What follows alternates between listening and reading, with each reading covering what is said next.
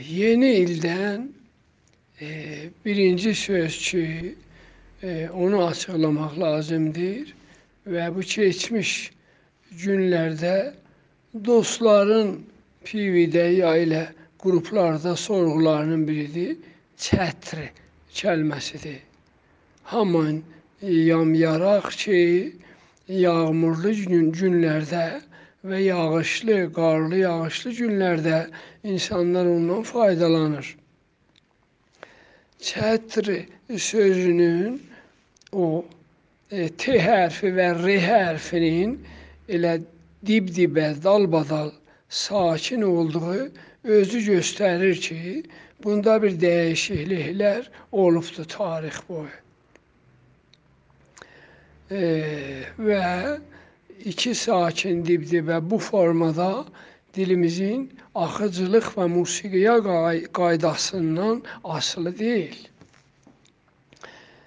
E, çətr kəlməsinin ki farscaya da gedib, e, türküsü türkümüzdən getmə haman çətirdir. Çətir.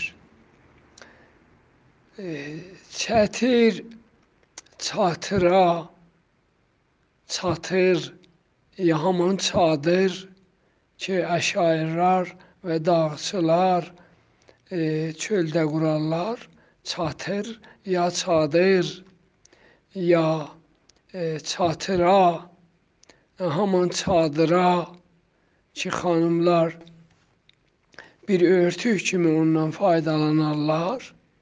Ya məsələn çardaq ki, çox işləkdir. Çölçülər arasında, əkinçilər, bağdarlar arasında bağda, bostanda ağacdan bir e, ötəri və bir yəni müvəqqəti bir dam kimindir, sığınacaq üçün onu onu çatarlar və düzəldərlər ki, əslində çatıraqdır. E, yəni çatılmış bir yer ağacdan və yüngül bir şeylərdən olar ki, çoxlu da fəsil e, e, sevrəsində soğuşub gedər. Bunlar hamısı çatmaq feilindən götürülübdür və çatmaq feilindən düzəlibdir. Hətta çatma qaş, e, bəzi adamlar çatma qaş olarlar o qaşlara deyilir ki, iki qaş gözün üstündə bir-birinə yetişibdir. Yəni vəsətdə ayrıntıları yoxdur. Yapışıblar bir-birlərinə. Ona deyilir çatma qaş. Yəni biri-birinə yetişmiş qaşlı adam. Ya məsələn yük çatmaq. İndiki kimində ki, liftraç ya bir ayrı cihazlar yükü çatsınlar. Bəlkə qədim yükü öz kürəklərinə, öz çiyinlərinə və ya ata, ulağa çatardılar. Ya elə o çatı sözü əslən, çatı bir ipdir. İp və çatı vəzifəsi budur, işi budur ki, e, onu dolu, o bir şeyi bir şeye bağlar, bir şeyi bir şeye yetiştirer. İndi yük olur olsun bir onu doluyub bağlarla özü öz başı birinə, bir tərəfi bir tərəfinə çatar. Ya iki şeyi bir-birinə çatdırar, bağlarlar, ya məsələn bir heyvanı çatı ilə bir ağaca bağlarlar ki, bir hörükdə otlasın və uzaqlara getməsin. Bu saydığımız dediyimiz bu kəlmələrdə və sözcüklərin hamısında bir-birinə yetişmək anlamı daşınılır.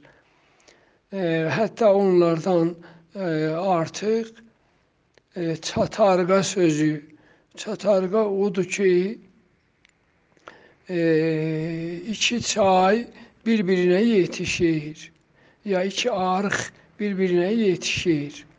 Ya məsələn bir çay dənizə qovuşur, çatır ancaq bir-birinə. Ona da çatarqa deyilir. Hətta çat götürmək, yəni bir şeyin o zayıf hisseleri ki vardı patlamaq əsərində onlar o çat, onlar bir-birinə yetişir. Onda deyirik çat götürübdür. Ya həya və hətta çatlamaq sözündə də duvar çartlayıbdı, çatlayıbdı. Ki e, bu söz e, çox qədim formalarda çartlamaq formasındaymış ki, R hərfi burada bəzi yerlərdə həsf olub, olubdur. Ya əl çatan şey, əl çatan ki, birdən görsən e, mobillarda və e, cib telefonlarında deyir ki, əl çatanda deyil, yəni dəstrəsdə deyil.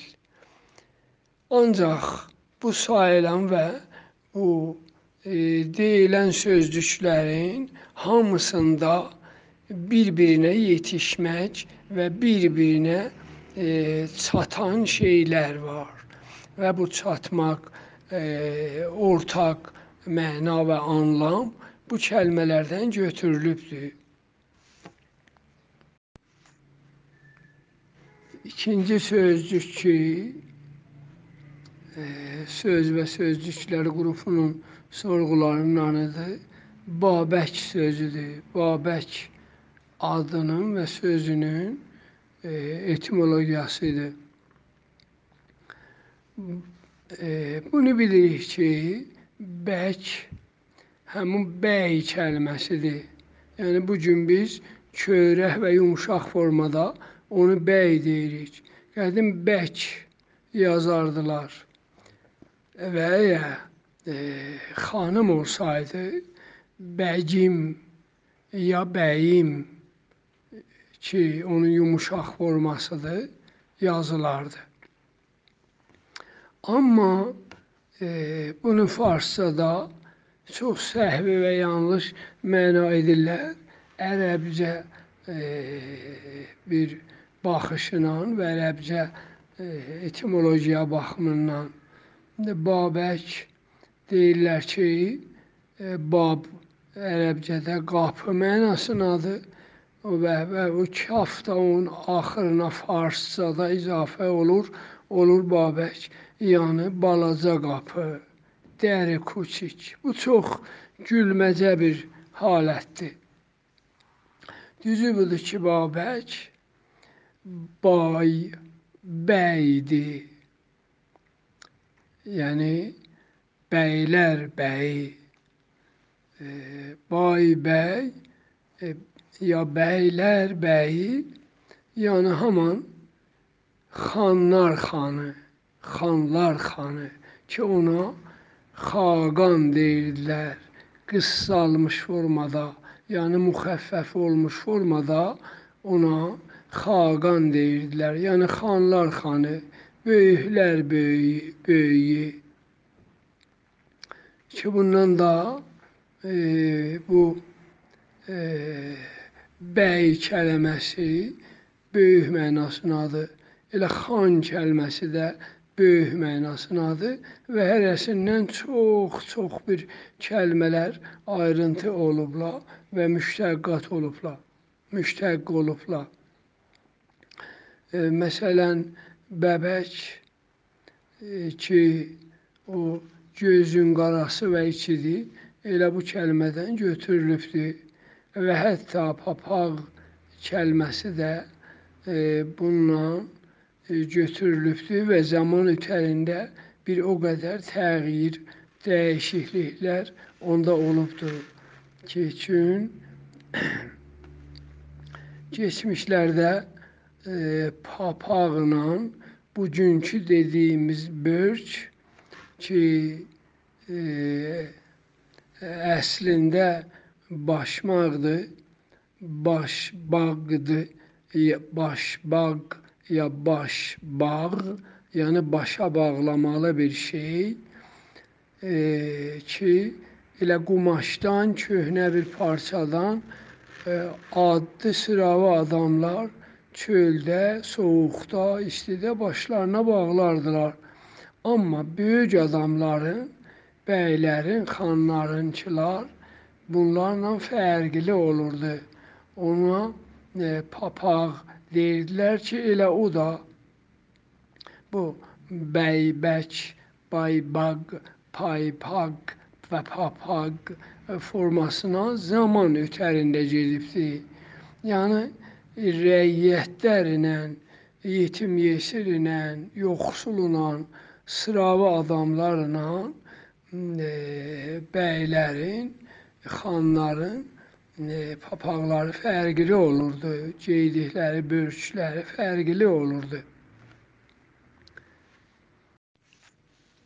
Bir sözlə açıqlamalı e, çox vacibdir və mən onu nəzərimə gələn keçmişlərdə səhv və yanlış açıqlamışam. Əgər açıqlamış olsam, belə bilirdim.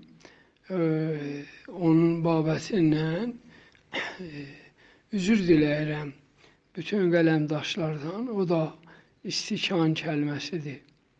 Bu isti və kan ki, kan, can, qan və can məkan qeydləridir.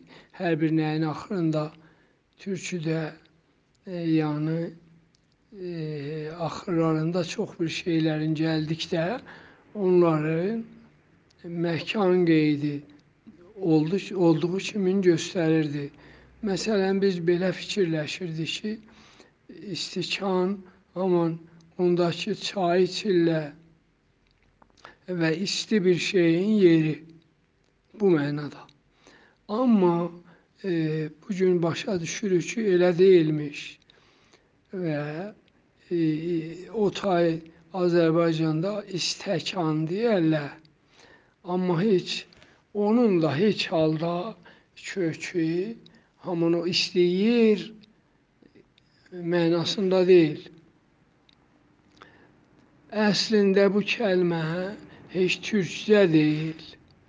Yəni bir neçə kəlmələr var ki, Bunlar e, kökləri ruscadır və bunlar rus kəlmələridirlər və bizim dilimizdə qonaq kəlmələrlə yerinə düşüb biz bunlardan faydalanırıq.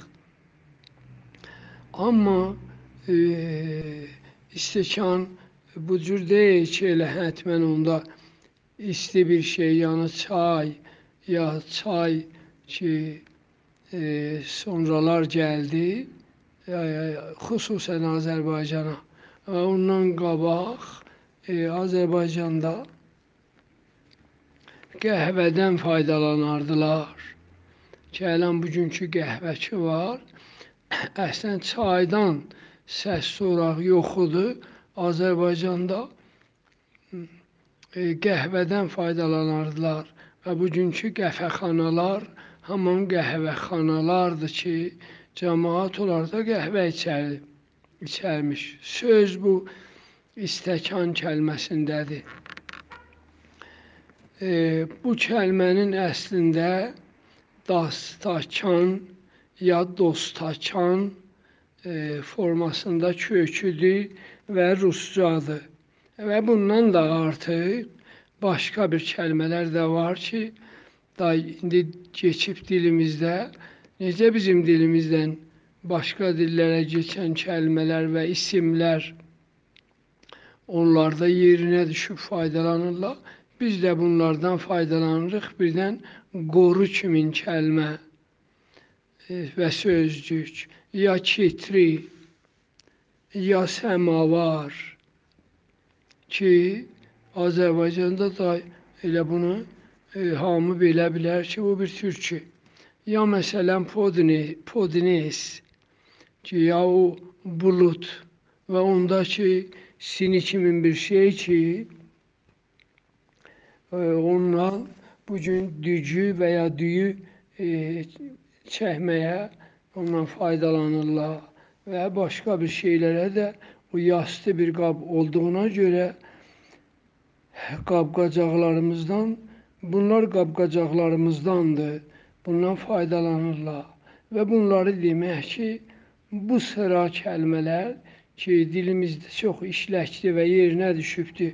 O cümlədən istəkan bunların həm kökü və həm də özləri əslində ruscadır. Amma bizim də dilimizdə işləkdir. Bir kəlmədə açıqlamalı bir kəlmə ki, gündəlikdə e, dostlarımız yəni yerinə düşüb hamı bunu işlədir və işlətmişik. Körpə kəlməsidir. Körpə həm e, təzə olmuş əmlik, e, yəni quzuya da deyilir və həm elə uşağa da deyilir ki, çox kiçikdir, hələ təzə olubdur. Xüsusən ki, etimologiya və lüğət baxımından o uşağa körpə deyilir ki, elə anadan təzə olubdur və onun e, çoxlu tənini təşkil verən, gözə çarpan onun qarnı, qarnı qismətidir, qarnıdır. Bu kəlmədə e, bir şey də nəzərdə var. O da budur ki, keçmişlərdə çox ilk əski dövrlərdə çün yazmaq filan yox idi. Çoxlu kəlmələr eşidinəli formadaydı. Yəni səmaidir, eşidirdik.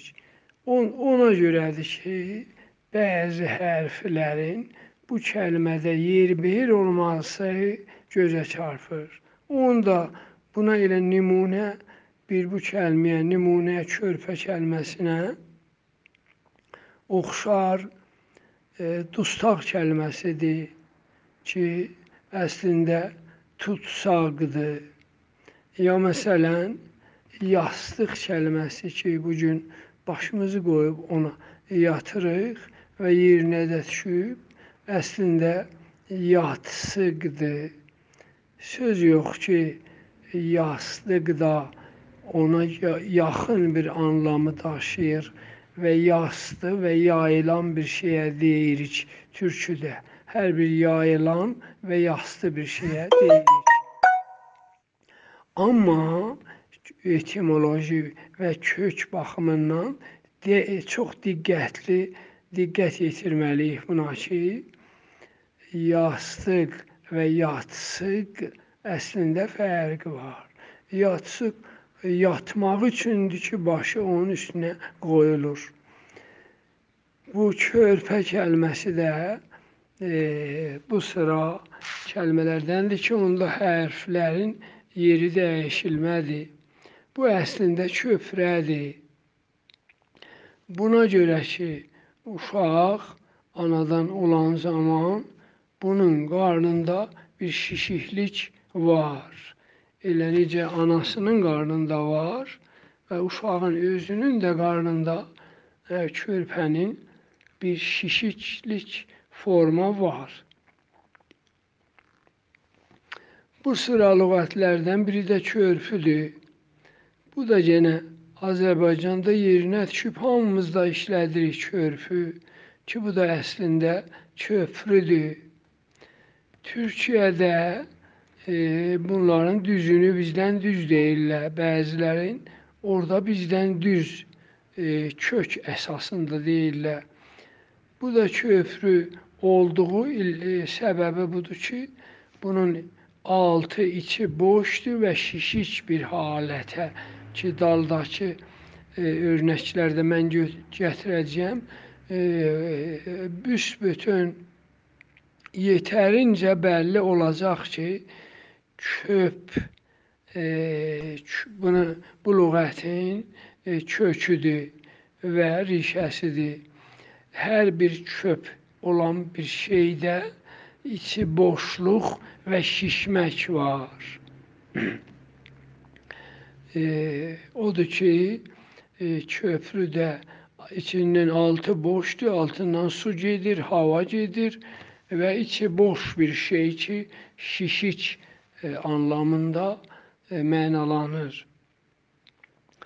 Ya məsələn çöpmə, çöpmə, qarın çöpmə.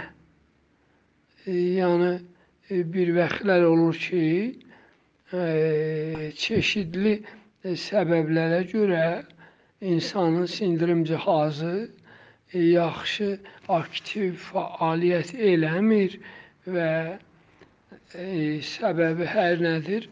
Ola bilər həkimlər onu e, yaxşı bilərlər ki, səbəbləri nələrdən ola bilər ki, adamın e, sindirim cihazı, mədəsi ya qarnında da gör bəllənir şişiklik və o şiş e, çox e, xalqın öz dilində də ki, həkimə müraciət edərlər, deyərlər. Üzürlər. E, o bir xəstəlikdir və ya bir xəstəliyin e, göstərən bir şeyi. Ya çöppə ki, haman çöpməyə oxşur çöppə. E, düyünü ki, düyünü süzmə bişirməzlər və elə e, su töküb bişirərlər da süzmə eləməzlər onu. Ona da e, bir islah demə çöppə deyərlər. Şeyl o da çöpmədir. O da üçün şişir, artımlı olur. Yəni e, dügünü ki e, bişirməyə bir qaba tö tökürsən və onu bişirirsən, onun e, çıxarı, tutumu, yəni həcmi çox çoxalır və şişir və yekəlir. Ona görə ona çöpbə, çöpbə deyirlər. Və hətta çöpbüş ya bəzi vaxt çopbuş adama da, e, kök adama da belə uşağa ya bəzi adamlara ya heyvanlara ancaq bu termini xalq arasında işləkdir və deyərlər. Ondan sonra bir örnəkdə köpəkdir. Köpək. O itə deyilir ki, çoxlu erkəkdir və e, bir hədə duysa, yəni bir xətər ehsas eləsə, ya qorxusundan, ya elə e, cəsarətindən o da biraz şişər, quyruğun belinə vurar, elə hey e, hürər, hürər və və o belə bir itlərin adını köpək qoyarlar, köpək. Yəni o da elə hamını biraz e, deyər şişmək kimindir ki, dünyada elə həmişə o e, böyük diktatorlar da e, qorxularından e, şişər, e, özlərini bu təhər və şişmək formasında göstərərlər. Ancaq ki, içləri boşdur və elə onların zahirlərin şişməkləri vardı, yoxsa içləri boşdur. E, köpürcə, köpürcə sözü də hər bir şeyə deyilir ki, o e, bir şişik halət, o olduğundan artıq və bir şişik halət, haləti özünə göstərir. Və çox örnəklər buna gətirmək olar. Köp, kökü ilə bağlı. Biri də köpükdür. Köpük haman hubabdır. Bir zərrə sudur ki, bir e, kiçik dəyməyə, e, toxunmağa ya havanın eşikdən dəyməsinə bağlıdır ki, patlasın və yırtılsın. İçi doludur hava ilə. Köpük o sudur bir e, zərrə sudur ki, ki, heç bəlkə bir qətrə də olmaz. Acca sudur ki, e, şişir, çox yekə olur və e, zinələrdə, bulaqlarda, e, dənizlərin e, qıyılarında, yəni sahillərində və hər yerdə gözə e, gözümüzlə görürük ki, haman hubab köpükdür ki, iç şişik olduğuna görə ki, içi boşdur, Ona da e, çöpük deyirik. Çox sağ olun dostlar. hövsələ xərcə verdiniz. Çox yaşayın. Hər yerdəsiniz. Sağ və salamat qalın. Təşəkkürlər.